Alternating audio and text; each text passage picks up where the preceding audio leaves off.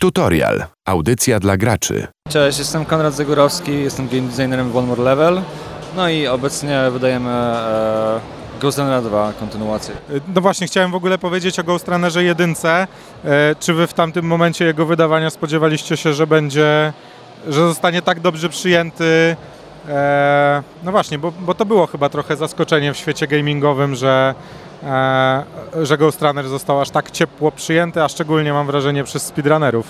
Tak, tak, e, Ghost Runner 1 już wcześniej wiedzieliśmy, że się podoba ludziom, bo i wyszło demko i na targach ludziom się bardzo podobało, ale nie spodziewaliśmy się aż tak bardzo. I e, tak, do tej pory mamy też duże grono speedrunnerów, którzy e, przez te już po 2-3 lata od premiery cały czas tak naprawdę grają, szukają nowych puffów, e, no i czekają na dwójkę. No właśnie, ta dwójka coraz bliżej, patrząc e, w to, jak ten, e, to gameplayowanie się zmieniło w stosunku do jedynki, no właśnie, możemy spodziewać się trochę wariactwa w tej dwójce, mimo tego, że ta jedynka już była dosyć zwariowana, jak na to, co dzieje się w świecie gamingowym. E, tak, tak.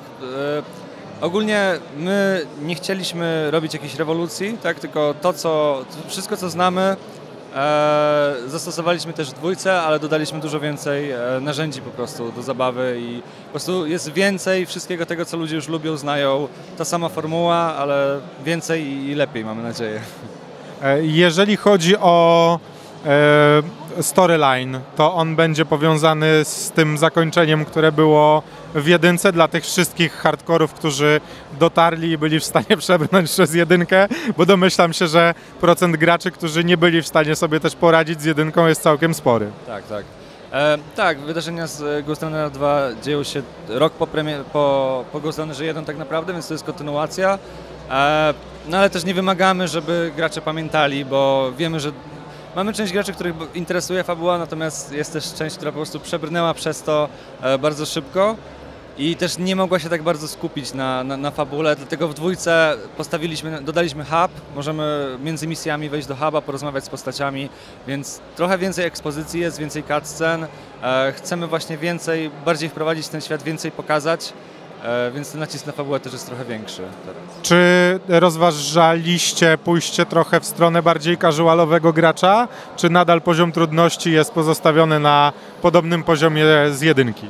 E, Poziom trudności w pewnym momencie jest e, taki sam jak nie wyższy nawet, ale, ale e, bardzo sp- e, spłyciliśmy ten e, spike, który był na początku trudności, bo wielu graczy odbiło się na samym początku. Teraz trochę wolniej e, wchodzimy w to wszystko, trochę powoli gracza uczymy, pokazujemy mu narzędzia, dajemy więcej czasu, żeby przyzwyczaił się do movementu, do tego wszystkiego, bo wiemy, że dużo graczy się odbiło i e, chcemy utrzymać ten wysoki poziom trudności, ale chcemy tych nowych graczy też nauczyć i dać im taką przestrzeń, żeby nauczyli się tej, tych e, rzeczy. Nie byli wrzuceni na zbyt głęboką wodę na, na samym początku. Więc tak, to dalej jest, dalej będziecie bardzo dużo ginąć, to, to się nie zmieniło. E, Natomiast to podejście będzie łatwiejsze na początku. No dobra, to jeszcze przechodząc do tego, co możemy tutaj zobaczyć podczas e, targów PGA, rozumiem, że już jakby no, nowa generacja wjechała i to też widać bardzo mocno w stosunku do, do jedynki, ale z drugiej strony mam też e, takie nieodparte wrażenie, że no właśnie, że to jest już trochę to, co, co znamy, a jeszcze z trzeciej strony sam powiedziałeś, że minęły 2-3 lata. To wcale nie jest y, jakiś bardzo długi czas od wydania pierwszej części i przejście do drugiej.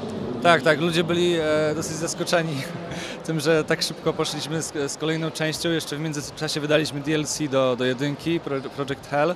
E, więc tak, no tempo mamy, mamy, mamy duże, lecimy z tym projektem szybko, natomiast przeskok jest, e, bardzo go widać. W sensie ludzie się dzielą, niektórzy mówią, że grafika się bardzo zmieniła, że to widać i tak dalej.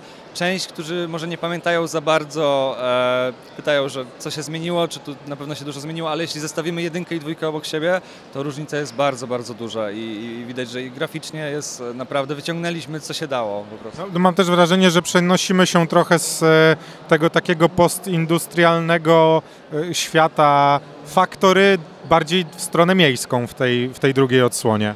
E, to znaczy tak, mamy cztery settingi i tak naprawdę największą zmianą jest to, że w ogóle wychodzimy tak naprawdę e, z, z miasta i wychodzimy na zewnątrz, tak na, zew- na zewnątrz Darmy. E, i tam e, zmienia się całkowicie krajobraz, zmieniają się przeciwnicy, więc jest też dużo takiej świeżości przez to, bo jest to jednak przełamanie z takimi postapokaliptycznymi, Mad Maxowymi klimatami e, tego takiego e, cyberpunka, który już tak dobrze wszyscy znamy, nie? No tak, a z jednej strony jest to cyberpunk, który wszyscy dobrze znamy, ale z drugiej strony wasze podejście do, do tego tematu cyberpunkowego jest, było i mam wrażenie nadal pozostaje e, no, no na takim waszym bardzo mocno, w waszym bardzo mocno stylu. E, tak, no, e, staramy się trzymać po prostu ten nasz styl od jedynki, żeby to wszystko było ze sobą spójne i żeby te kolejne settingi, które wprowadzamy też jakby miały sens w, w tym świecie, bo będą też jeszcze inne miejsca, będziemy wychodzić nie tylko, nie, nie tylko będziemy na zewnątrz i w mieście, ale jeszcze e, gdzie indziej, ale to już zobaczycie w pełnej grze, tak. No to do sprawdzenia samemu Ghost Runner 2. Dla wszystkich chętnych polecamy też sprawdzenie jedynki, jeśli ktoś się o nią nie otarł. Kiedy premiera? 26 października, więc długo. Super, wielkie dzięki. Wielkie dzięki.